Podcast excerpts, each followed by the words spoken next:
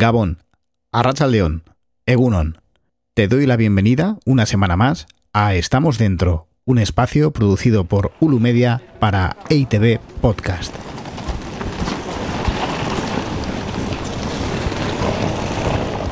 Hoy hemos vuelto a Madrid para reencontrarnos con un viejo compañero de fatigas, con un colega donostiarra de esos que dan pleno sentido a la palabra amistad. ¿Qué vas a hacer? ¿Qué tal? ¿Qué vas a ir? ¿Qué pro? Sí, esto, esto va a quedar registrado para la posteridad. ¿El qué? Eh, ¿La El- llegada? El encuentro, claro. Ah, sí. Esto va Esto con... es el mundo podcast. Que Ah, vale, que- vale, vale.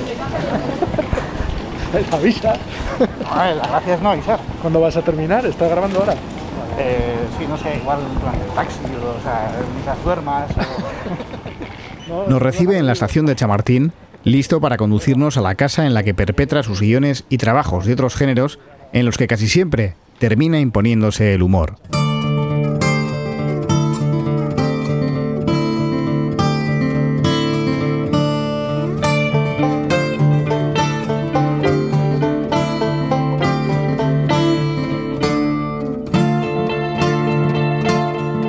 Soy Juan G. Andrés y hoy, en Estamos Dentro, accedemos al pisito de Fernando R.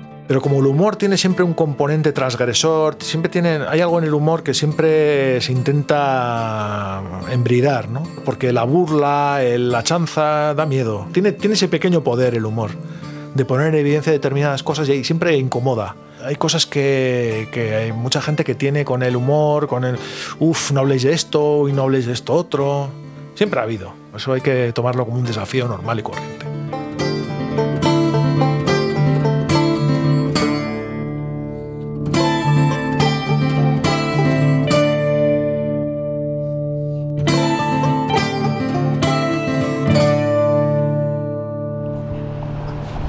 Final vives a, a dos, tres minutos de, de la Plaza Mayor, de la plaza del- de la Puerta del Sol. Sí. Su nombre igual no te dice demasiado, pero su trabajo lo conoces de sobra. Durante varias temporadas, R fue coordinador de guiones de Vaya Semanita, uno de los programas históricos de Euskal Televista. Ah, sí, sí. Bueno, te voy a decir algo. No, no, no, no. no. Estaba, estaba viendo el sonido de las llaves, que queda guay. Vale, pues entramos ya. Hostias.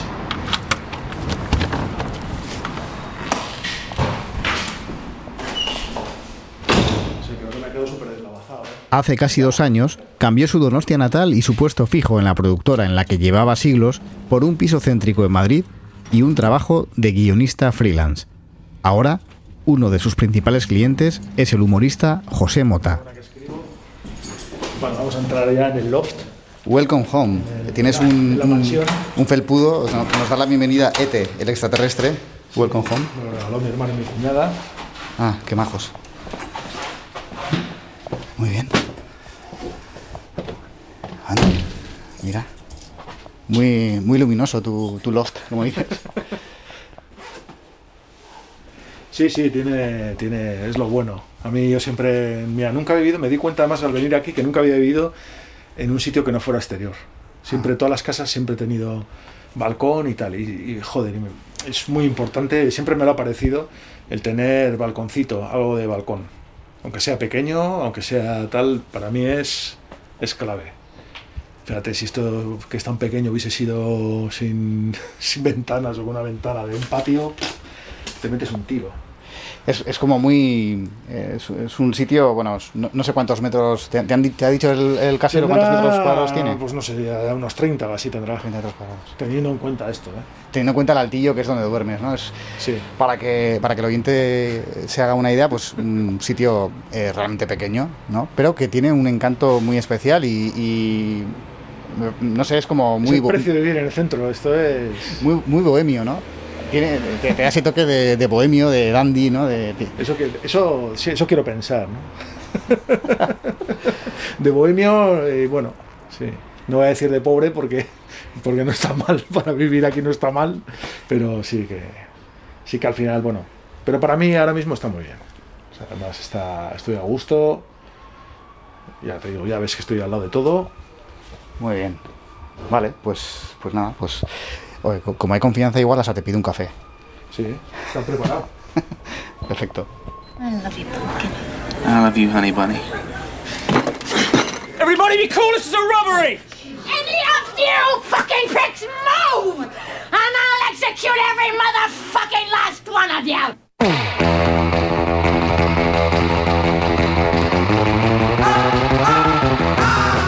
Disculpa, de nuevo voy a iniciar otro episodio de este podcast por la vía de lo personal, pero es que con Fernando R no podría ser de otro modo. Nos conocimos cuando estudiábamos periodismo en Leyoa, y nuestra común afición al cine pronto nos hizo colaborar. En las ondas de los talleres de Radio Rentería y Alza, lo que hoy es Donostia Cultura y Ratía, montamos el programa Pantalla Grande, cuya sintonía justamente era este tema, Misirlu, popularizado gracias a la película Pulp Fiction. Visto ahora, tiene gracia que fuera en aquel espacio, hace ya más de dos décadas, en el que Fer escribió sus primeros sketches para unos actores de nulo talento, nosotros mismos.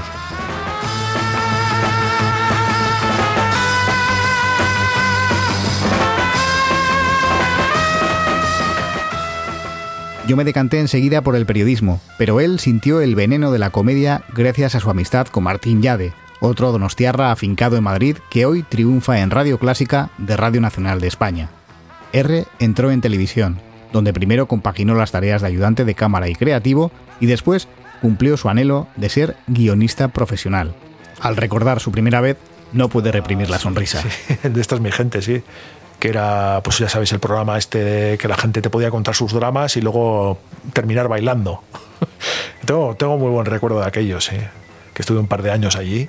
Estaba, me acuerdo, Isaro Iraeta como presentadora y luego ya vino Claudio Landa, que Claudio, Claudio era un fenómeno. Claudio además un tío más profesional que la ostra. Fueron tiempos de aprendizaje antes del punto de inflexión que marcaría su carrera. Para allí, en un programa que se llamaba con Iñaki López, que era Algo pasa con López, que era un programa de entrevistas, eh, bueno, un magazine nocturno de estos que ya, claro, ya están totalmente desaparecidos. Eh, ya, ya, en su momento era un tipo de programa que no era de lo más eh, moderno, digamos, por así decirlo, en el sentido de como concepto de programa. Pero entonces, cierto espacio se cruzó en su camino. No, no, no, Pachi, Pachi, no lo hagas, que esto no es el casco viejo. Pachi. Eso, ambiente de discoteca. Pero Pepe, ¿por qué tienen que empezar las cosas tan mal en Salamanca? ¿Por qué? ¿Quieres que te lo diga yo por qué? Porque todavía no lo entiendo cómo incluso nuestros hijos viviendo en Salamanca pueden seguir siendo tan impresentables. El uno charaina y el otro, el otro de la ETA. Yo me acuerdo que me enamoré de Vaya Semanita. Era justo el momento ese eh, que pegó fuerte. Estamos hablando de 2004-2005, que pegó muy fuerte. Hubo un verano que empezaron a, a, repetir sketches y la gente descubrió el programa y dije, ostras, eso tiene que estar, yo tengo que intentar, yo que tengo que intentar ahí, estar ahí. Y me acuerdo que escribí un, una carta, una, hice unas pruebas por mi, por mi propia cuenta, vamos, sin ningún tipo de contacto ni nada, y la envié por carta. Por carta. A ETV, sí, Qué por cosa carta. más antiliviana. ¿eh? Es súper, vamos, es muy viejuno. Y le escribí a, sí, a Diego San José, que era el coordinador de guion, y me pidió, me dijo, oye, está bien y tal, pero te voy a pedir la prueba que hacemos a todos los guionistas. Y me hizo otra prueba y me llamaron y entonces me, me, me, me, contrataron para el equipo de guion de Vaya Semanita. Y yo creo que ese es el momento clave ya. Yo había hecho guion, bueno, pues eso, había hecho guion en programas, tal, y, es, y esa fue la primera vez que estaba haciendo ficción, que para mí era, joder, y encima en el programa que en ese momento era el... El, pepinazo, ¿no? Porque lo veía todo el mundo, es que lo veía todo el mundo, era increíble. O sea, me acuerdo que yo entré una Semana Santa, Semana Santa de 2005, creo. Semana Santa de 2005, y el primer programa, yo no había escrito ni una coma, o bueno, sí había escrito, pero no, no había salido todavía nada de lo que había escrito. El primer programa, que fue con Boris Izaguirre después de Semana Santa, hizo un 40. Un 40 de audiencia es una barbaridad, o sea, es increíble. O sea, eso te lo, hace, te lo hacían los partidos de fútbol más. eh, En su momento, estamos hablando de 2005 Eh, que entonces, para entonces una buena audiencia pues era un 25, una muy buena audiencia, un 25, un 26, claro, 27, doble. un 27 como ya un 30 era la leche y un 40, o sea, un 40 era increíble, increíble. Y era, era, vamos, programón. Es, es, un momento dulce entonces, ese que, que vives en los inicios de, de, Vaya Semanita. Y de la noche a la mañana, además, eh, te conviertes en coordinador de guion eh, que alguna vez has dicho tú, no porque fueras el más chistoso, ni, ni, ¿no? Ni, No, yo creo que- Ni, ni porque fueras un mago del sketch, todavía... No, no, no. Seguramente que era el peor guionista de todos. lo era, lo era. Éramos, estaban ahí todos los guionistas, pero justo, además, es en ese 2005 se veía movimiento de despachos, había algo raro en el ambiente. Eh, el equipo había tenido, el equipo de Semanita había tenido problemas pues con la productora, ya había habido, ya había más de fondo desde hace tiempo. Total, que veías ahí, ¿qué pasa? ¿Qué pasa? Y al final, pues se descubrió ¿no? que, habían firmado con Televisión Española para el programa Made in China. Entonces iban todos, o sea, prácticamente todos. O sea, pues todos los, guionis- los guionistas, eh, éramos, éramos cinco en el equipo, tres de ellos iban allí. El otro no, el otro no lo dije y a mí tampoco me dijeron, que lógicamente en ese momento no era yo. Y, y varios factores, prácticamente todo, todo el equipo también, o sea, casi todo, Cristo se iba a Made in China. Claro, eso fue una bomba, ¿no? ¿Qué, qué hacer? Todo el mundo estaba muy nervioso. En la productora, pues claro, era la gallina de los huevos de oro. Y dices, ¿qué hacemos? ¿Qué...? Y la decisión pues fue seguir, ¿no? Pues dices, ¿cómo vamos a este éxito? ¿Cómo lo vamos a mandar a tomar por saco? Pero claro, en ese momento pues me quedaba yo como guionista y yo estaba dispuesto a seguir, claro, yo, yo quería seguir. Y de actores, pues estaba Antonio Aguirre Gómez Corta, que estaba desde la segunda temporada del, desde ese año, desde 2000 2004-2005. Antonio Aguirre Gómez Corta, luego Elisa Lledo, que era otra actriz, que era la que hacía la portuguesa. Y nadie más. Ah, bueno, Julián Azcárate también se quedó, que era el argentino. Argentino, sí. Eh, y Charlie Urbina, era como el fichaje. era muy gracioso eso. Y, no, y todos los demás actores, todos, pues claro, Santi Ugalde, Gorka Ochoa, Alejandro Tejería, pues todos los que habían hecho Maribel Salas, todos los, los míticos, todos los- se fueron todos a Madrid Los, los Sánchez, ¿no? Eh, Carlos Sánchez, la cuadrilla, o sea, la cuadrilla al completo se iba a Madrid China. Entonces era como, vamos, era un seísmo, ¿no? Pero al final ellos no triunfaron, ese programa Es curioso, fracasó sí, lo en, que es la vida. en- en Madrid, ¿no? Y Vaya Semanita siguió su línea ascendente. Sí, sí, eh, se constituyó un nuevo equipo de guion, eh, todo un nuevo equipo actoral también. Y nada, y era, era, claro, todo el mundo estaba como, Buah, esto, este programa no tiene ningún sentido, bueno, no, no, va, no va a funcionar, no va, no va a remontar el vuelo, porque todo el mundo pensaba, claro, todo el talento se había ido a Made in China. Y nosotros lo que hicimos fue un poco pues pensar cómo, cómo, cómo recuperábamos aquel, cómo podíamos. Teníamos claro desde el principio, y eso lo hablamos, se quedó también, tuvimos la suerte de que se quedó el mismo director, que era Javier García de Vicuña. Y hablándolo, teníamos muy claro que teníamos también que nosotros que buscar otra, otra vía, ¿no? Que no podíamos estar ahí eh, intentando ni, ni revivir cosas que ellos hacían, bueno, ellos hacían, me refiero, o, los éxitos, ¿no? No íbamos a hacer un pelanas ahí, eh, o teníamos que buscar nuestra propia identidad, ¿no?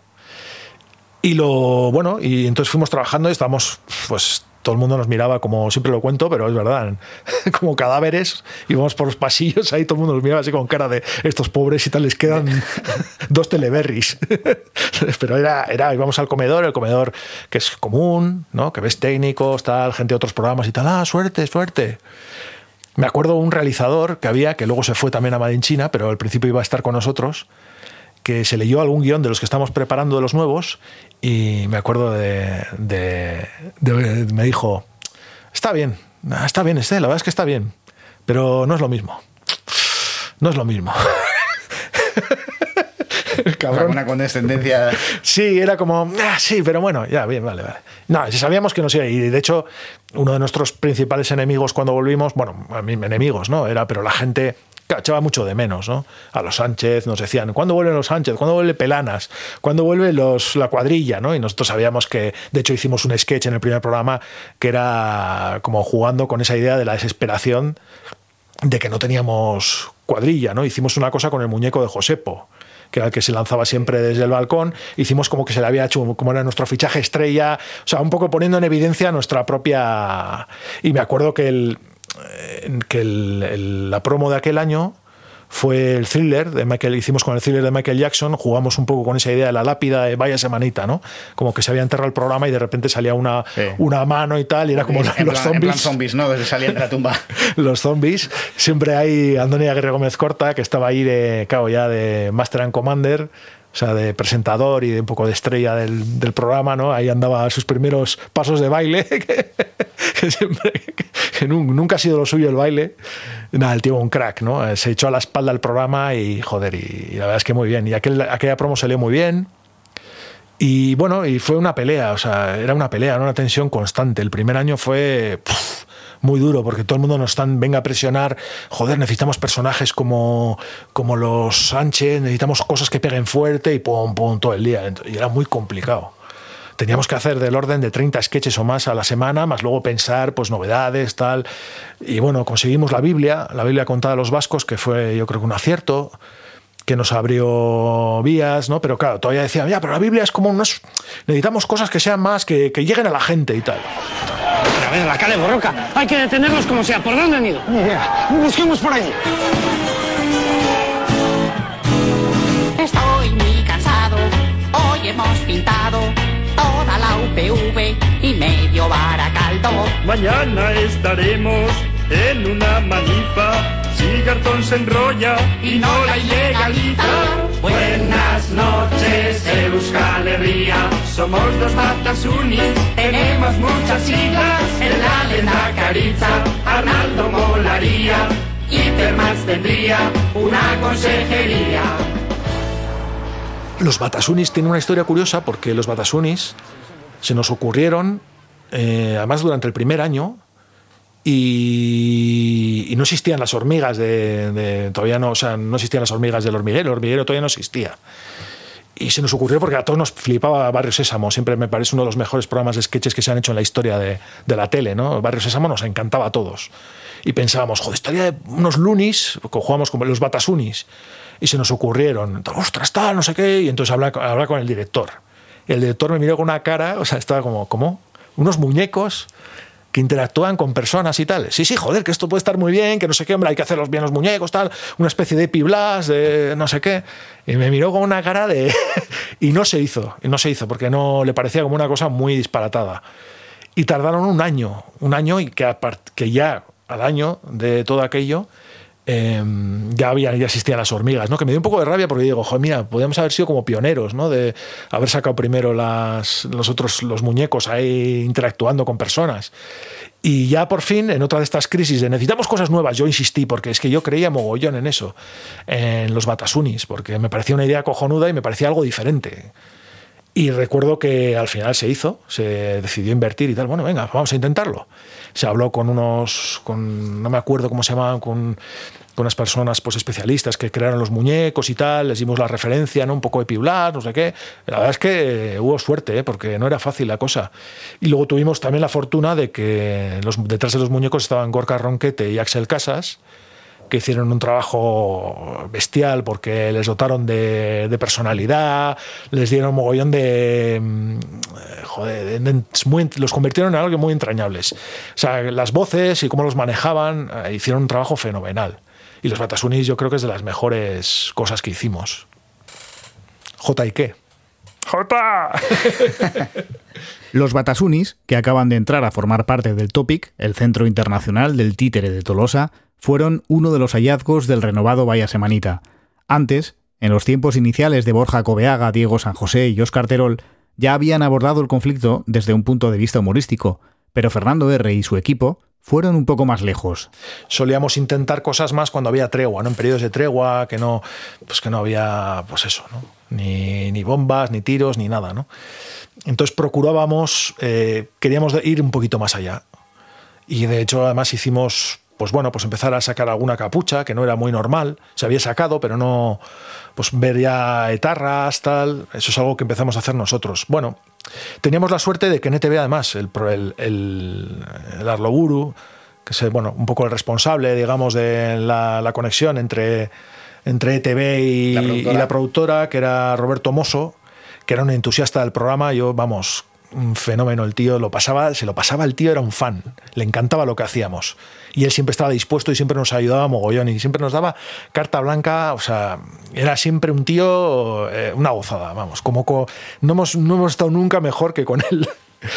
Él estuvo fenomenal y entonces eso también nos ayudaba, ¿no? El, bueno, el programa se iba ganando un poco su, nos íbamos ganando también nuestra, pues no, no voy a decir prestigio, pero sí la, la capacidad de hacer cosas, de decir, bueno, hemos hecho esto, vamos a ir un paso más allá, vamos a probar esto. ¿no? De hecho, nos coincidió, hicimos una, un sketch que era La tregua entre dos, que era con la canción de Paloma San Basilio, juntos, na, na, na, hicimos con, y justo nos coincidió con una tregua, O sea que fue casualidad.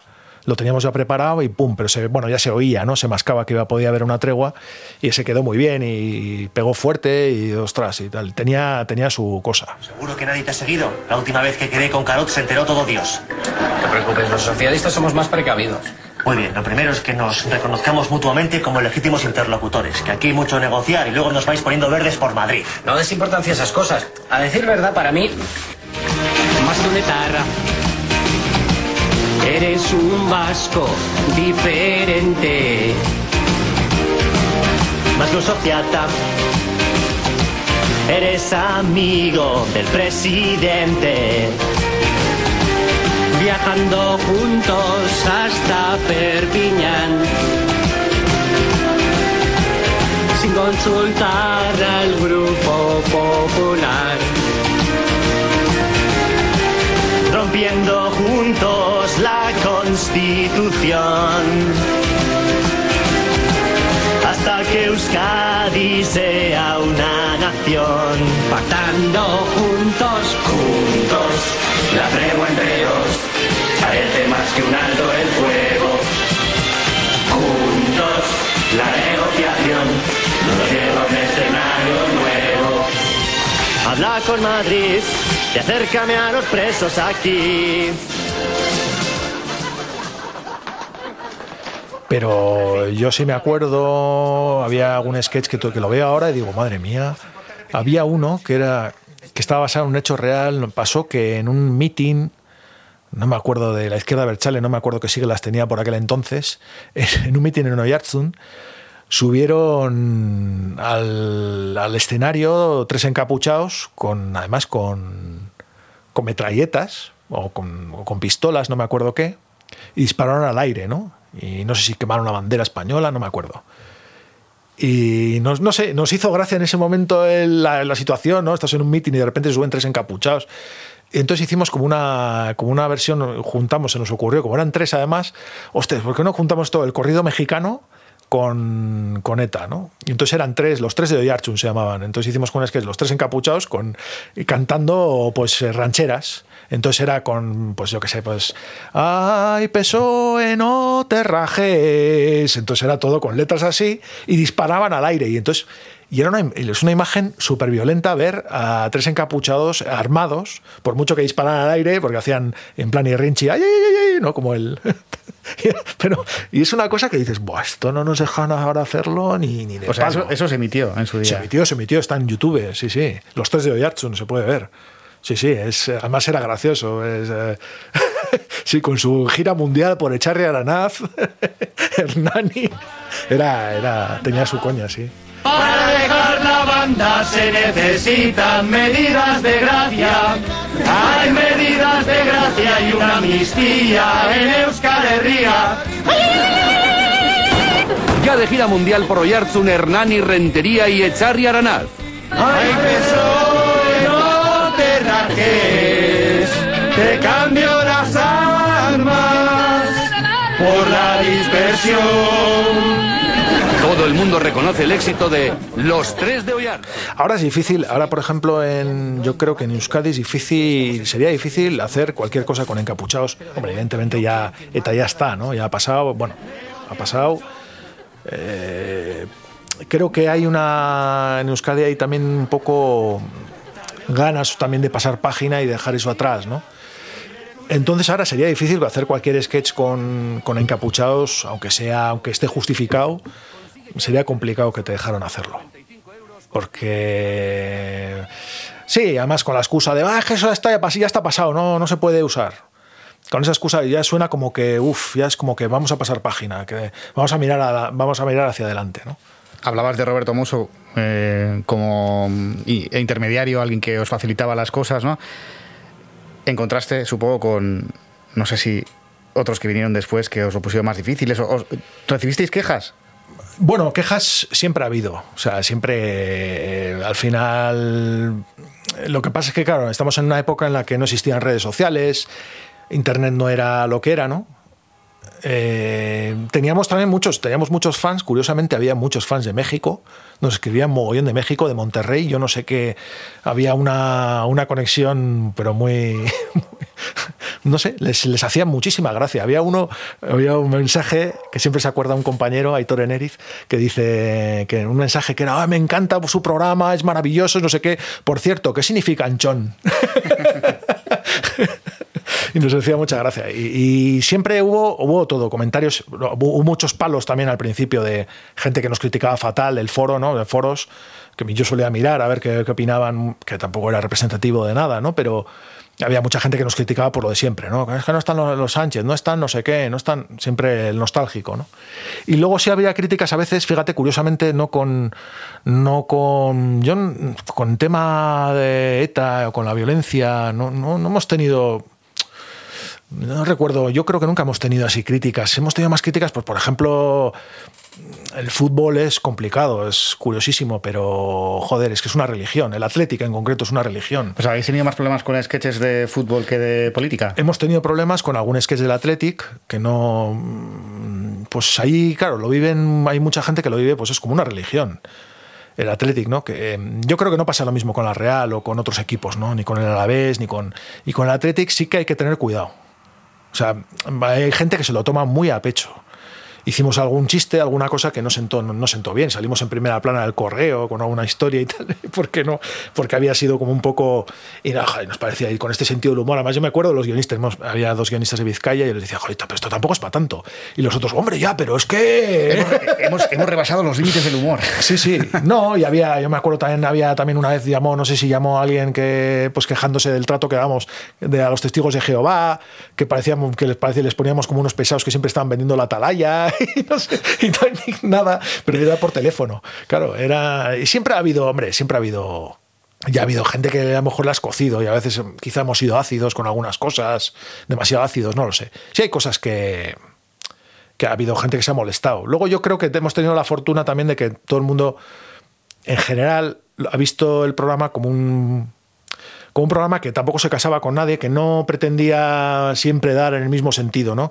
Que al final, como todo el mundo recibía un poco, pues le dabas palos a todo el mundo, te reías un poco de todo el mundo, de alguna forma todo el mundo, eso la gente lo entendió muy bien. Eso te da más credibilidad, claro. Te da credibilidad, o sea, no, no parecemos un programa sectario, no, no, no éramos yo. Bueno, de hecho, vaya semanitas que además, bueno, ya propia, la- yo creo que estamos prácticamente el arco parlamentario estaba en, en la sala de guion, ya, o sea, que éramos cada uno de una ideología completamente distinta. Pero aparte de eso, yo creo que sí que teníamos como mucho, muy metido, el humor es lo importante y, joder, reírnos de esto, reírnos de esto otro, o sea, que no, no sin sectarismos, ¿no? Y yo creo que eso la gente lo entendió muy bien. Y al margen de quejas concretas, como esta que te digo, pues, o sea, alguna con el Athletic, etcétera, mm, bastante bien. Bastante bien. A mitad de episodio siempre solemos hacer una pausa para que el invitado nos muestre su casa, cogemos el, eh, el micro y bueno, pues damos una vuelta, ¿no? En este caso, ya hemos dicho al, entrar que la casa es muy pequeña y la vemos desde aquí, ¿no? Desde donde estamos sentados y, vemos que tienes eh, un montón de libros ya acumulados, eh, más de los que yo pensaba que tendrías en, en casa después de tan poco tiempo, ¿no? Bueno, he ido acumulando, muchos me los llevo a Donosti, ¿eh? pero sí, es que, joder, es que a mí mi sueño en esta vida es tener una super biblioteca. Entonces, sí, aquí me estoy quedando un poco sin espacio y sigo comprando, que... pero bueno, ahí ando, ya empiezo a pilar aquí, ya empiezo a ver, empiezo a ver torres. Pero bueno, sí, me queda, me- a veces me queda un poco de ansiedad. Joder, tengo que leer esto más rápido porque es que se me está. O comprar menos o leer más rápido.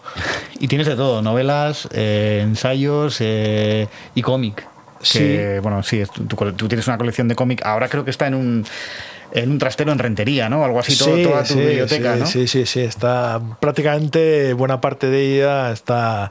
Por eso quiero recuperarla y, y algún día pues tener eh, volver a tener todos esos libros ahí en, en, en sus en unas estanterías y tal. Sí, sí. Sí, que a veces eso siempre me pasa, ¿no? Que a veces dices, ostras, este libro me cago en 10, está en, Claro. está en el trastero. Quería consultar para. Entonces, bueno, aquí tengo, sí, tengo varias, tengo un poco de todo, sí. Bueno, pues eh, igual nos tomamos el café que está ahora mismo hirviendo aquí detrás de, de Fernando R y nos podemos dar una, una vuelta por el, por el barrio y, y, bueno, conocemos un poco mejor dónde, dónde vives. ¿Vale? Vale, venga.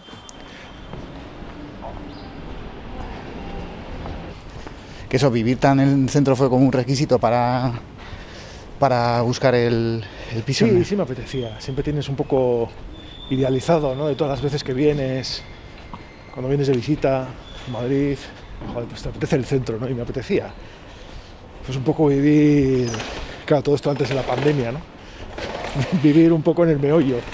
Tienes, vives eso al lado además de un montón de teatros que te gusta. Eso me interesa, teatro, el eh, cine, los cines, el, sí, original. los museos, pues por ejemplo, en 20 minutos me planto en el Prado. Seguimos caminando hacia el kiosco. Fer es un lector voraz de prensa diaria, el lugar donde encuentra inspiración para muchos de sus sketches. Esta es la Plaza Jacinto Benavente. Sí, estamos al lado de eso. Sí. Pero sí, sí me apetecía. O sea, es que yo al final no cojo el metro. Y ahora menos, claro. Teatro Calderón. Los cines ideal. Están, son ahí. Sí, es muy bonito. Todo saca Garci en, en el crack y cuando hace sus panorámicas de Madrid. Ahí donde pone 24 horas. Sí. Ahí es donde tenía el hostal. Es el hostal donde estuve. Antes de, de, de, de, ir a la casa en la que estabas ahora. Sí, eso es. También el meollo. Aquí ves, tengo el Teatro Español al lado. Está aquí en la Plaza Santa Ana. Ah, el kiosco. Sí. Y al levantarme, papá. Y no veas tú lo que después colocarla en los gornes. Sí, eso es más complicado, sí. Hasta que, que lo casas. Ahí está. Veo que lo sabes bien. Bueno, sí, lo sé, lo sé. Lo dicho, joven. Venga, a buen día. buen día. Ay y ay. Muchas gracias. A ti. Venga, hasta luego. Venga, buen día. Chao. Buen día, hasta luego. Adiós. Hasta luego. ¿Y un poco por qué decides venir a, Madrid a, vivir? ¿Hay más oportunidades aquí? O... Bueno, había dos motivos. Uno, bueno, uno personal, eh, pues una ruptura, un sentimental, que de repente, pues eso, un divorcio que me supuso pues un cambio completamente de, de, de, de bueno, un, un, boom, un big bang personal, ¿no?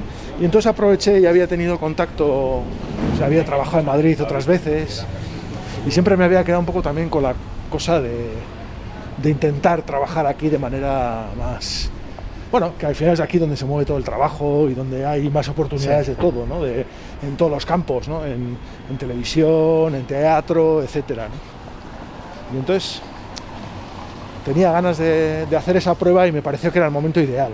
Ajá. Y bueno, entonces me cogí un poco así un buen día y dije, venga, me voy para allá. Sin tener del todo asegurado el, el, poder trabajar aquí ya, llegar y trabajar, pero dije, me voy a arriesgar y, y bueno, y bien, y salió bien. Hay un mediocre en mí, hay un mediocre en mí. Cuando fuiste a votar, tú me diste alas para medrar. Ningún problema voy a remediar porque hay un mediocre en mí. Si hay un mediocre en mí.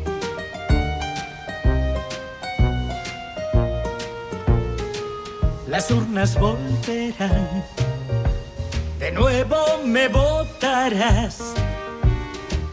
Y yo el escaño lo retendré, que hay un mediocre en mí. Hay un mediocre en mí. Hay un mediocre en mí. Desde luego, qué vergüenza. Todavía no sé por qué tenemos los políticos que tenemos. Hay un mediocre en ti. Hay un mediocre en ti. Cuando fuiste a votar, tú me diste alas para medrar. Ningún problema voy a remediar porque hay un mediocre en ti.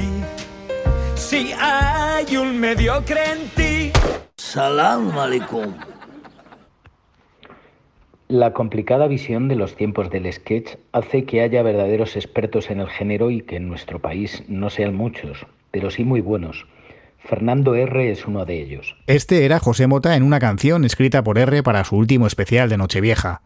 También hemos escuchado la voz del humorista manchego en un audio de WhatsApp que reproduce el prólogo que redactó para cómo tener éxito escribiendo sketches. Un manual pionero, publicado por Fernando hace ahora dos años.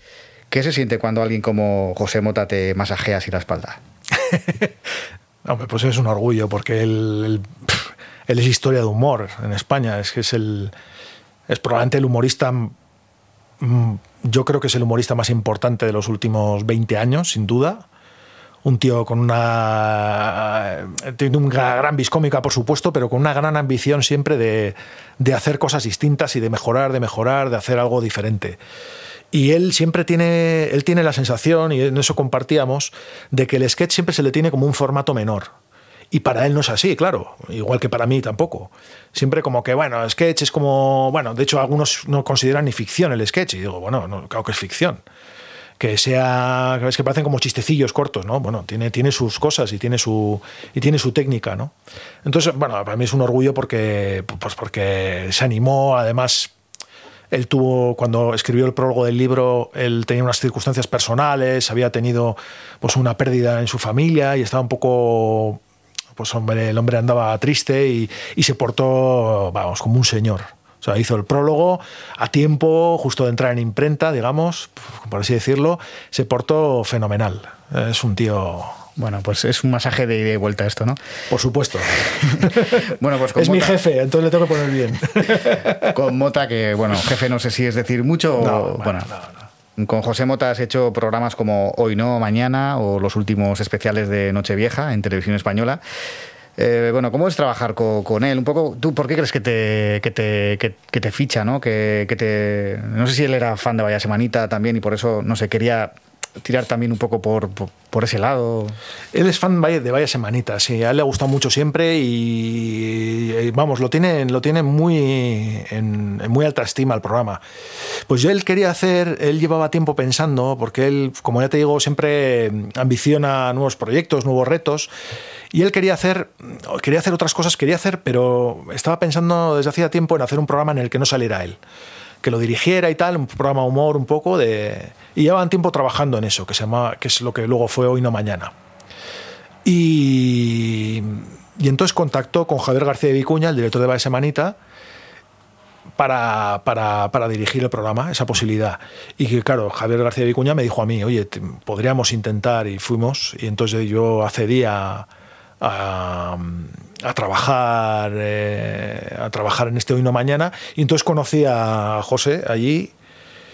Le conocí una noche, además me acuerdo muy bien, y que jodido, pues, que el tío ya, ya, era un fenómeno, ya contando anécdotas eh, y entonces, pues eh, surgió esa posibilidad, y yo creo que ahí le hablé del libro también, en, esa, en ese interim, mientras íbamos haciendo el programa, le comenté el libro de sketch y le llamó la atención, has hecho un escrito tal, y se lo pasé. Y le dije, oye, ¿te importaría? Tal, le pedí, todavía no teníamos mucho trato, pero me arriesgué y tal, porque tenía ya el libro escrito y estaba ya en fase de corrección y tal. Pero dije, joder, estaría genial tener un prólogo de José Mota y tal, y se lo pasé.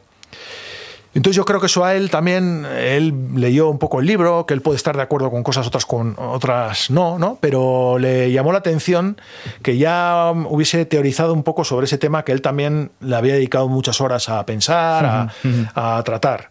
Y entonces yo creo que, y luego en lo personal, pues nos llevamos, nos caímos bien. Bueno, a mí, a mí él me cayó bien desde el principio, que cada vez, que es uno de los problemas que cada vez tengo más, que cada vez me cuesta más currar con gente que no me cae bien. Es lógico. bueno, eso es otra cosa ya, pero joder, a veces. Y yo a él también creo que, pues, bueno, tuvimos una buena, un buen feeling, ¿no? Entonces hicimos el Hoy No Mañana, que eran seis programas. Se hizo además, se tardó en emitir. Se hicieron los programas y luego él seguimos hablando, él, él se fue súper super majo porque me dijo, oye, si vienes a Madrid a presentar el libro, avísame que yo voy a estar contigo ahí y vamos a donde quieras, yo me, desplazo, voy para allá, vale, vale, vale, José, tal. Entonces llegó ese día, ¿no? Llegó en, la Casa del Libro aquí en Madrid, en la Gran Vía, y le dije, oye, José, tal, ¿qué tal te vendría? Eh, tal, bueno, tal, me dijo, a ver, espérate, déjame, podría ser tal, pero él se adaptó perfectamente, o sea, no me puso ninguna pega, vino, estuvimos hablando tal, se portó de fenomenal. Y entonces él me habló también de, oye Fer, ¿por qué no? Ya me, lo había tentado, ¿por qué no te vienes aquí a Madrid? Porque en ese momento yo no estaba, había trabajado aquí en Madrid, estuve unos meses, pues cuatro meses para el de mañana, pero luego me volví a San Sebastián, a Donosti. Y él me propuso, me dijo, me decía, oye, pero tú qué, ¿Tú qué haces allí? No sé, es que allí tampoco, ¿no? Aquí es donde Madrid, donde está un poco todo, ya, ya, ya. Entonces ya me dijo él un poco así, y cuando estuvimos con el libro, él me contó la idea que tenía para el especial Nochevieja. Tenía una idea ya y, oye, me gustaría que estuvieras tú y tal, ya tengo pa, para que nos pusiéramos a trabajar. Y yo estaba trabajando en otra, en otra, claro, estaba trabajando en otra productora. Y digo, no sé, no sé, bueno, José, vale, vamos hablando y tal. Y bueno, y al final se dio las circunstancias, yo le hablé con él, oye, que, que me voy para Madrid que si sigues interesado en que esté en el especial, me encantaría, tal. Y me dijo, sí, sí, claro, claro, claro. Y entonces él se me, me, me, fue genial, ¿no? Empezamos en el especial Nochevieja, el primero el de 2019, el primero en el que estuve. Y desde entonces hemos, hemos entablado una relación muy buena he seguido trabajando con él y la verdad es que muy bien. En el prólogo del libro, José Mota también dice... El sketch es estricto, exigente, cruel. Es a la televisión lo que el poema a la literatura. Tiene que ser conciso, concreto, directo. No se puede eternizar. Hay que hacer filigranas para que todo encaje, para que el buen sketch sea una pequeña obra de ingeniería. Sí, yo creo que tiene toda la razón. Es que al final es como una pieza que, eso es, lo como lo dice, es que lo dice perfectamente. Que no puedes. Eh, sí, que tiene que ser contundente, directa y con las menos florituras posibles, ¿no? En el sentido de que no puedes empezar a. A divagar. A divagar. No, y él, y él, ya te digo, tiene una gran. Siempre él tiene muchos referentes, ¿no? Pero siempre hablamos, hemos hablado muchas veces de Woody Allen, ¿no? que él siempre comenta, joder, es que además Bully Allen, fíjate lo que ha hecho con el sketch, ¿no? Él, ha dignificado todavía el, género también. Él muchas veces, muchas ideas casi que él tiene parecen de sketch y luego él las sabe, las sabe llevar más allá y bueno, él es un admirador de ese, formato y bueno, claro, lo lleva haciendo muchos años. Él tiene muchísimos sketches, claro, tiene todo, tiene ya con Cruz y Raya y luego con en el solitario, o sea, tiene un montón. Hablas de Woody Allen como referente de, Mota y los tuyos, ¿cuáles serían? referente, no sé si es mucho decir, me gustan muchas cosas, pero a mí, por ejemplo, me gusta mogollón Larry David, que es el, co-creador de Seinfeld, que Larry David tiene una serie en HBO que se llama Corp Your Enthusiasm, ¿sí? Contento Entusiasmo o algo así, más o menos, que hace una versión, una versión distorsionada un poco de sí mismo, ¿no? Es como una especie de de Quijote gruñón, ¿no? que, siempre se enfrenta a situaciones sociales, a pequeñas, a las reglas no escritas de, las relaciones sociales. Es una especie de, terrorista social. Es muy divertido y a mí me encanta. Me parece un tío buenísimo. Me encanta los Monty Python, claro, que es, un poco tópico, pero es verdad. Es que sigue siendo la Biblia del sketch. Hay cosas que han envejecido peor, pero siguen teniendo cosas de primera. O sea, me parece súper moderno. Es que me gustan muchísimas cosas. Gila, Gila, que hemos hablado muchas veces de él, Gila es un fenómeno. Otro, otro fíjate, que lo, que lo escuchas ahora y no ha envejecido nada, porque es. O sea, todos los monólogos que tiene, pues es que son un fenómeno. Y ahora que está como un poco en boga el posthumor, casi Gila podría tener algo de eso, ¿no? No sé. Yo creo que Gila, joder, no sé, es que tiene, tiene, tiene como ese ingenio, esa, esa capacidad de, llevar el absurdo y además con una carga pues con mala leche también, ¿no? Era un, joder, era un fenómeno el tío. La verdad es que lo ves, escuchas, sí, sí, un tío... Ahora mismo pues los pantomima full son, son también cojonudos, ¿no? Todos los sketches que hacen, de que bueno, que yo creo que son sketches, pero hacen también son unos lectores también de, bueno, los lectores, unos saben leer la sociedad, saben leer los tópicos, o sea, son unos fenómenos, muy bueno. Tú recomiendas eh, partir del propio humor para escribir. Eh, supongo que bueno, es imprescindible tener sentido del humor, pero no sé si es necesario ser un tipo gracioso para, para escribir sketches. Yo creo que no. Yo siempre digo, sí, además creo que en el capítulo, en el libro, eh, editado por la ERTES, que es maravilloso, por cierto, lo podéis comprar en cualquier momento. No quedan muchos ejemplares, espero que hagan una reimpresión en breve, pero bueno, si alguien lo quiere, aquí la cuña publicitaria. Em, sí, yo creo que no, yo creo que tienes que escribir gracioso, que es distinto.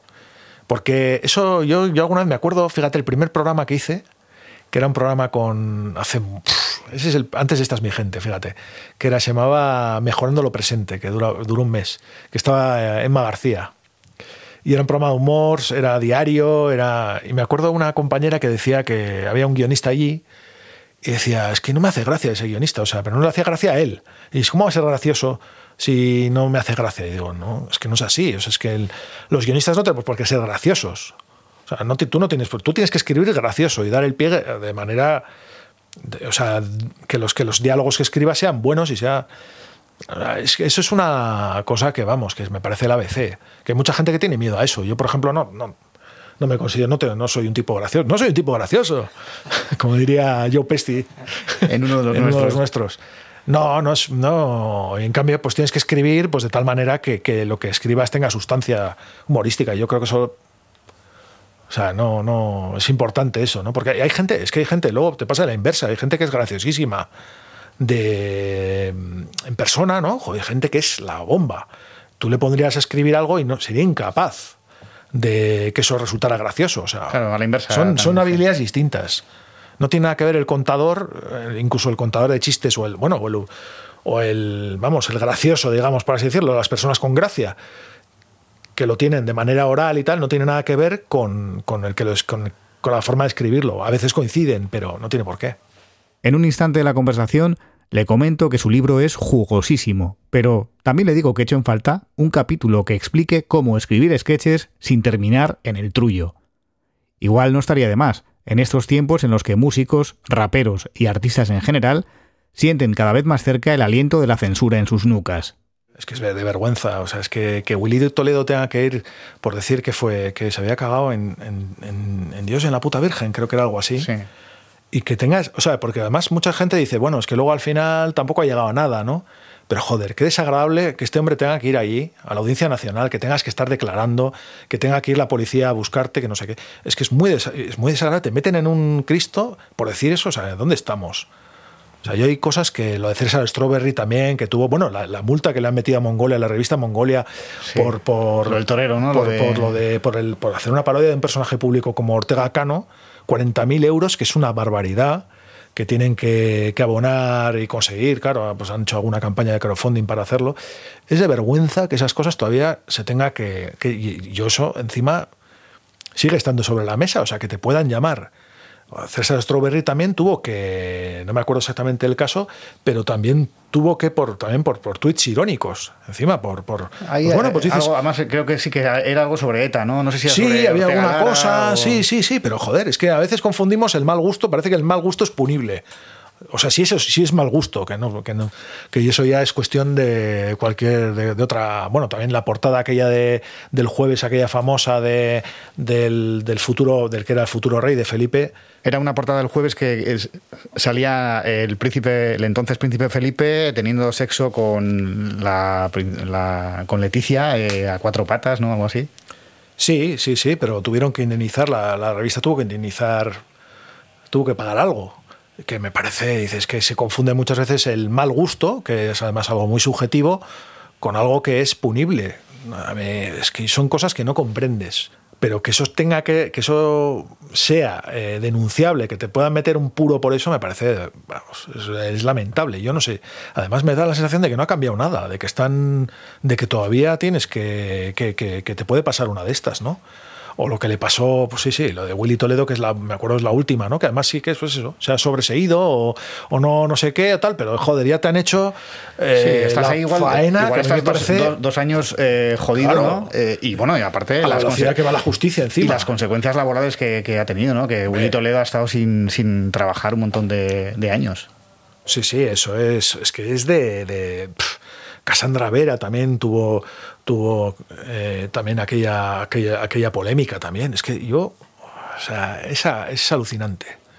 Es alucinante. Ahí están las putas sirenas.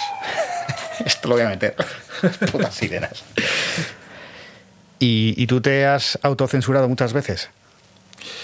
Yo creo que sí. A veces se, sí, sí, todos nos hemos autocensurado, pero yo creo que es normal, ¿eh? Sea, creo que es un ejercicio sano también. O sea, se, se considera autocensura como algo que tú mismo te estás poniendo barreras para Muchas veces la autocensura es tan, tan sencillo como tengo una idea que está muy bien, pero joder, es que es muy pasada de rosca. Además, imagínate lo que es una sala de guionistas. Cuando sacas, cuando sacas ideas en común y tal, se dicen barbaridades, cosas que no pueden salir, ¿no? Y cosas que son muy divertidas y cosas que dices, joder, esto sería cojonudo, pero es que claro, esto no puedes decir porque primero. Bueno, pues porque no es. No sé, es como cosas que, que están fuera de lugar, ¿no? Por ejemplo. no sé decirte así. Me acuerdo que una vez surgió un chiste. Bueno, esto. Uf, es que, por ejemplo, una vez. Es que no sé, no sé si lo puedo decir. Esto es un brete. No, pues yo me acuerdo que una vez surgió un chiste sobre la manada. Era muy bueno, era una cosa muy buena. Pero dices, esto, joder, vamos a ofender, no es una cosa es una cosa que está a flor de piel, a veces mm, tienes que calibrar, ¿no? Esto que, que, bueno, vamos a hacer daño, vamos a hacer... Porque el objetivo no es, evidentemente nadie cuando haces humor no es ofender. Entonces, no sé, siempre hay cosas que, que, evidentemente sabes que no. Y además, tampoco, ya te digo, no lo veo mal el autocensurarte, en el sentido de que muchas veces también te aguzas el ingenio para, para, tener mejores ideas. Para buscar una alternativa. Sí, para buscar alternativas. Otra cosa, la autocensura, hay una autocensura mala, que eso sí es mala, que es cuando tienes a alguien que te dice esto no puedes hacer o y te estás autocensurando porque piensas que alguien te va a decir a esto no. Eso sí que es una eso sí que es una una mierda, vamos. Eso sí que es una autocensura. Digamos que, por así decirlo, por resumir, creo que hay una autocensura positiva o, bueno, o lógica, y una autocensura pues, pues mala, ¿no? que es cuando, cuando ya tienes que estar escribiendo eh, en función de si alguien te lo va a censurar o te lo, te lo va a quitar o te lo va... Eso sí que es una... Y yo sí que procuro, y a veces en ese sentido, yo sí, sí procuro siempre, aunque sepa que algo me lo van a tirar, siempre lo intento. Porque a veces, mira, te sorprende, a veces hay cosas que dices, esto me lo van a tirar, y luego no, y luego resulta que sale, ¿no? La mayoría de las veces a lo mejor te lo tiran, pero otras alguna vez no. Alguna vez has comentado que tú no tienes tampoco muy claro el tema de los límites del humor. Siempre digo, suena súper mercenario, pero siempre digo que los límites del humor te los marca quien te paga, ¿no? al final, es que me hace gracia la frase, porque, pero es, es, la verdad. Es que si tú estás en según qué medio, ya sabes qué cosas puedes decir, qué cosas no puedes decir. Y eso es así. O sea, y otra cosa es que luego en determinados sitios tengas más libertad que en otros, ¿no? Pero siempre hay cosas que, que, pues que te ponen límites. ¿no? Yo recuerdo en un programa que estuve que en, cuatro, que era que nos dijeron en un momento dado que, bueno, casualidad era cuatro cuando había sido adquirida por Mediaset, que no habláramos de Berlusconi, que era el momento de las fiestas bunga bunga y todo aquello, claro, y era como absurdo porque dices, joder, todos los informativos están hablando pero como el humor tiene siempre un componente transgresor, siempre tiene, hay algo en el humor que siempre se intenta embridar, ¿no? Siempre hay como miedo al humor porque la burla, la chanza da miedo. Entonces eso siempre es una cosa que, que no sé, tiene, tiene ese pequeño poder el humor, de poner en evidencia determinadas cosas y siempre incomoda. Entonces yo creo que muchas veces hay cosas que, hay mucha gente que tiene con el humor, con el, uff, no habléis de esto y no habléis de esto otro. Siempre ha habido. Y siempre lo habrá. Y además, ya te digo, eso hay que tomarlo como un desafío normal y corriente. ¿Qué opinas de esto que mm, se dice ahora mucho, sobre todo desde, cierta parte de la izquierda, de, que hay que hacer humor de, desde abajo hacia arriba, ¿no? del, débil al poderoso, que no es lícito hacerlo al revés, ¿no? que un poderoso se ría de un débil? A mí me parece una chorrada, sinceramente, porque eso es como, no sé, eh, me parece absurdo, porque además hacer humor mmm, es que es como pensar que el humor va dirigido contra alguien, como si estuvieras, como si el hecho de que tú haces humor con el supuesto débil o con no sé qué, es como si estuvieras riéndote de alguien. No, oye, ¿qué pasa? O sea, no puedo hacer, tengo que estar haciendo humor orientado hacia un arco. Es que me parece un poco, además, hasta como un poco incómodo decir eso. Me parece como hasta una cierta, un cierto tufillo censor. Oye, se puede hacer, yo creo que se puede hacer humor de, de, todo. Luego, evidentemente, cada cual, en- de- dependiendo de dónde esté, de cómo esté, pues puede, luego pues ya sabe dónde puede llegar o no puede llegar. Pero a mí eso de, no, no, es que hay que reírse solo de los poderosos, perdona. Además, buena parte creo que el humor también consiste en reírnos también de nosotros mismos, ¿no? Muchas veces también. No solo de los demás, o de también mirarnos a nosotros mismos y reírnos de nuestras propias, de nuestras propias miserias, ¿no? Creo que tiene ese poder catártico también el humor. Y a veces me parece que se confunde, y bueno, en los últimos tiempos, yo creo que en los últimos años, creo que la gente ha perdido comprensión de la ironía, ¿no? La gente no, no termina de, de entender muchas veces cuando pretendes ser irónico. Y eso se ve mucho en Twitter, ¿no? Hay gente, hay comentarios que son abiertamente irónicos, que tienen. Y hay gente que se lo toma de manera literal. literal. Y eso es un problema. Bueno, es un problema porque creo que, bueno, ya esto hablaríamos de cosas más esto, pero creo que es mala comprensión de lectora y de la comunicación, etcétera. Entonces, me parece que eso de, de abajo a arriba, no sé, es que me parece ridículo. O sea, pretender orientar el humor en una dirección o en otra, vamos, yo jamás lo haría. Pensar que, que cuando haces un humor sobre X, sobre yo qué sé, sobre la clase trabajadora, por decirlo en esos términos, parece que te estás riendo de la clase, es como, me parece ridículo. O sea, no, a lo mejor estás haciendo humor con eso, te estás riendo de algo que hacemos, sin más, y con, ya te digo, con una con función muchas veces catártica, de joder, es verdad, ¿no? Esas cosas de, hostia, es verdad, que, que es cuando te dice alguien, qué bien, qué bien pillado está, ¿no? Y luego, si no te gusta, siempre tienes la, la, la oportunidad de no consumir, ¿no? Ese tipo de. de Ah, yo eso, yo eso lo tengo clarísimo también. A mí me molesta mucho también esa pretensión siempre de querer eh, dirigir las cosas por un lado. Eso es. Es que yo creo que además, y ahora, claro, es lo que tienen las redes sociales, ¿no? A mí me parece muy bien que la gente critique, ¿no? Y es normal. si Es que puedes criticar lo que te dé la gana.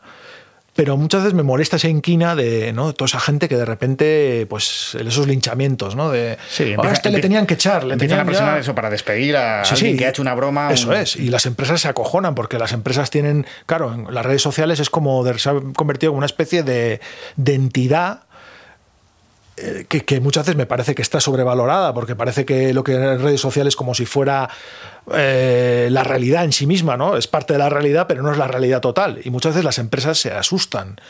Y claro, eh, y cuando hay una crítica masiva, entonces, claro, muchas veces tiene consecuencias. Hay gente que, que está desde su casa diciendo, me acuerdo, lo, lo menciono en el libro, me acuerdo un guionista que estaba en, en ahí abajo, que hizo un chiste de andaluces. Pues, pues, un Sí, chiste, pues sí. dices, pues dices, "Eh, mal gusto, no me gusta, no sé qué, pues muy, muy bien. Pero ya pedían, que ya amenazaban con no voy a volver a ver esa serie, por hasta como no le echéis y no sé qué. Pero, Sí, un tío que igual tiene seis seguidores en Twitter, ¿no? Que, que, que- o como si tienes 10.000. Es que a mí me parece que eso no puedes jugar con el pan de la gente, lo primero, de esa manera. O sea, es muy inconsciente, la gente no es consciente muchas veces del efecto que tiene eso. Y aparte que dices, oye, es que es tan sencillo como no lo veas y ya está. Y sigue, no sigas a ese tío, no le vuelvas a, no le vuelvas a seguir y fuera. Pero es como esa manía de también de querer ponerte a ti mismo como, como virtuoso. Hmm. Sí, paladín de- Eh, eso es, de ponerte tú en el escaparate, como que hay mucho con eso, muy- hay- creo que hay mucha hipocresía con eso, ¿no? Hay mucha gente que tiene esa necesidad de decir yo soy no sé qué, yo soy no sé cuánto. Entonces, como que te pones un estadio por encima de los demás, una- la moral. Y, y esa manía de juzgar, que parece que hay que poner en esa moralina, además, muy, muy infantil, de determinados personajes, juzgarles como también por su, no por su talento, por su esto, sino porque es que se portó mal con no sé quién, es que hizo no sé qué. No. Creo que si no te gusta algo, no lo consumas y deja que los demás decidan que si quieren consumirlo o no. Es así, es así de sencillo. Entonces irrumpo en el cuarto de María y me encuentro con una imagen que aún no me he podido quitar de la cabeza. Mi futura mujer mirándome con los ojos como platos abrazada a una paloma. Sí, como lo oís. Un pájaro enorme que hacía ruidos como de, de palomo cachondo.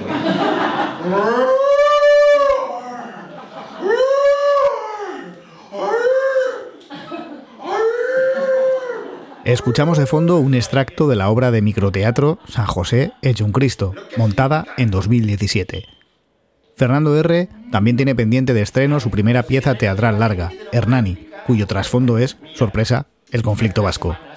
Retrata el encuentro entre un ex militante de ETA y el hijo del hombre al que secuestró en su día. Será una comedia divertida, pero también hablará de la empatía y la necesidad de entender al otro.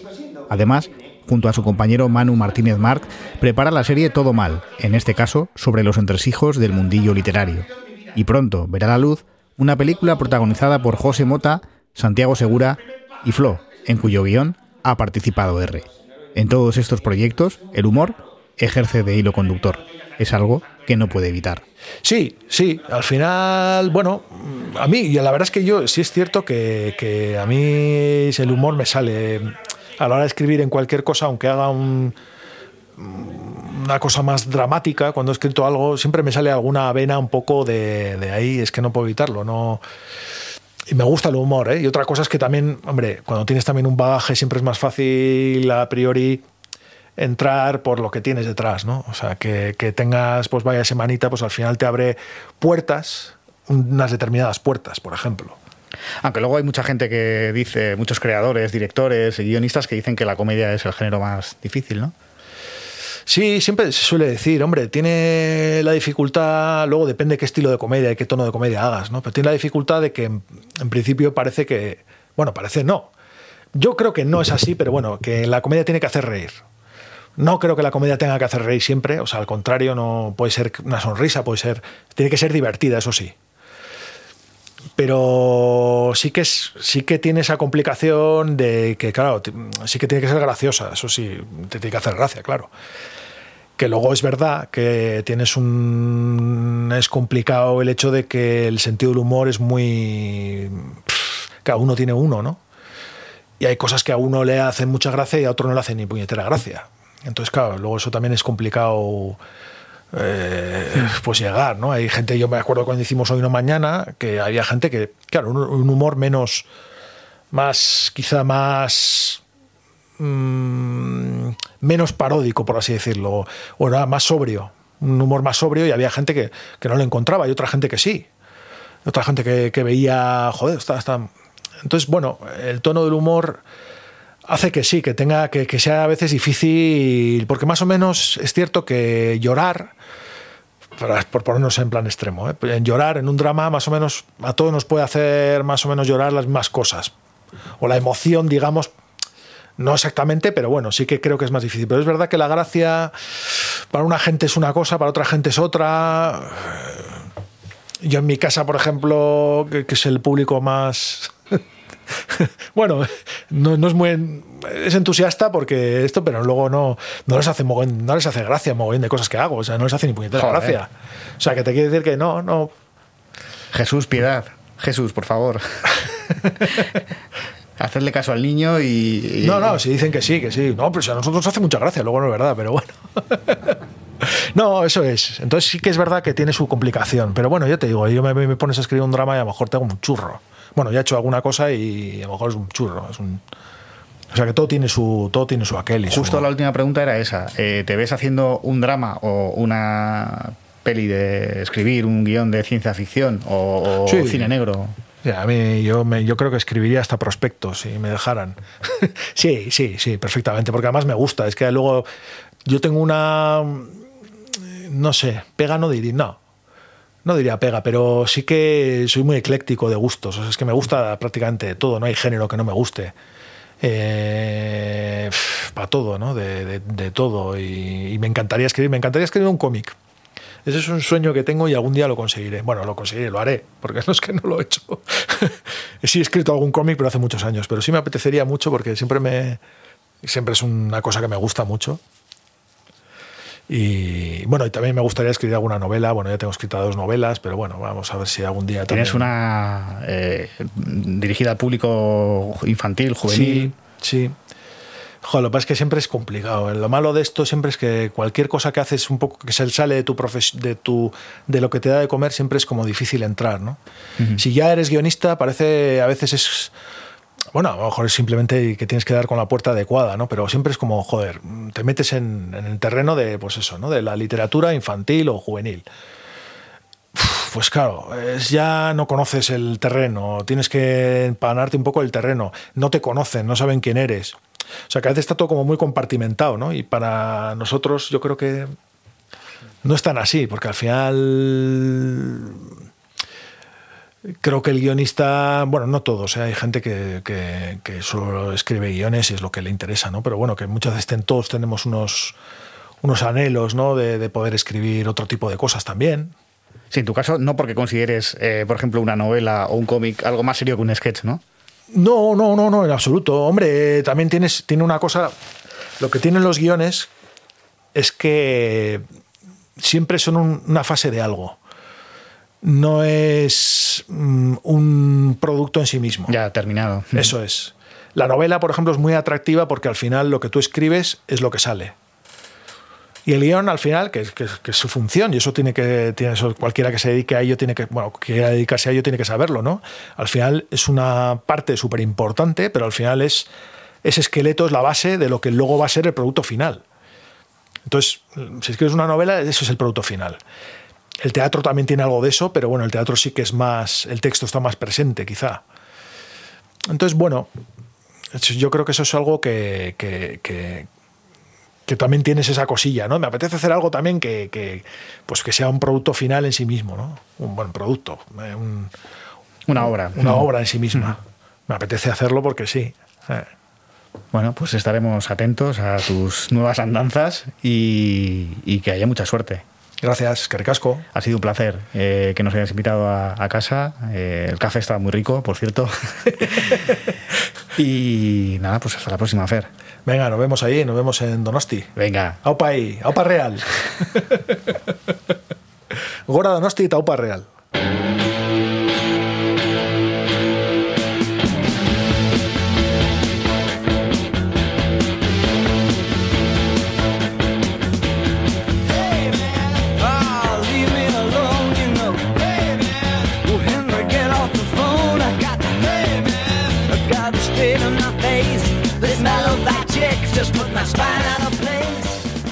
Cuando vuelvo a Donostia en el Albia me doy cuenta de que he olvidado pedir a R una canción para que suene en este capítulo. Tampoco importa mucho, le conozco bien y tengo plena seguridad de que habría elegido cualquiera de David Bowie. Así que con este Suffragette City terminamos el quinto capítulo de Estamos Dentro. Si te ha gustado o al menos interesado, suscríbete en ITV Podcast o en tu plataforma de audio favorita. También puedes comentarnos tus impresiones en las redes sociales y seguir las entrevistas que mi compañero y amigo Oyer Aranzábal hace en Barruan Gaude, nuestro podcast siamés. Cuídate mucho y hasta la semana que viene. Adiós.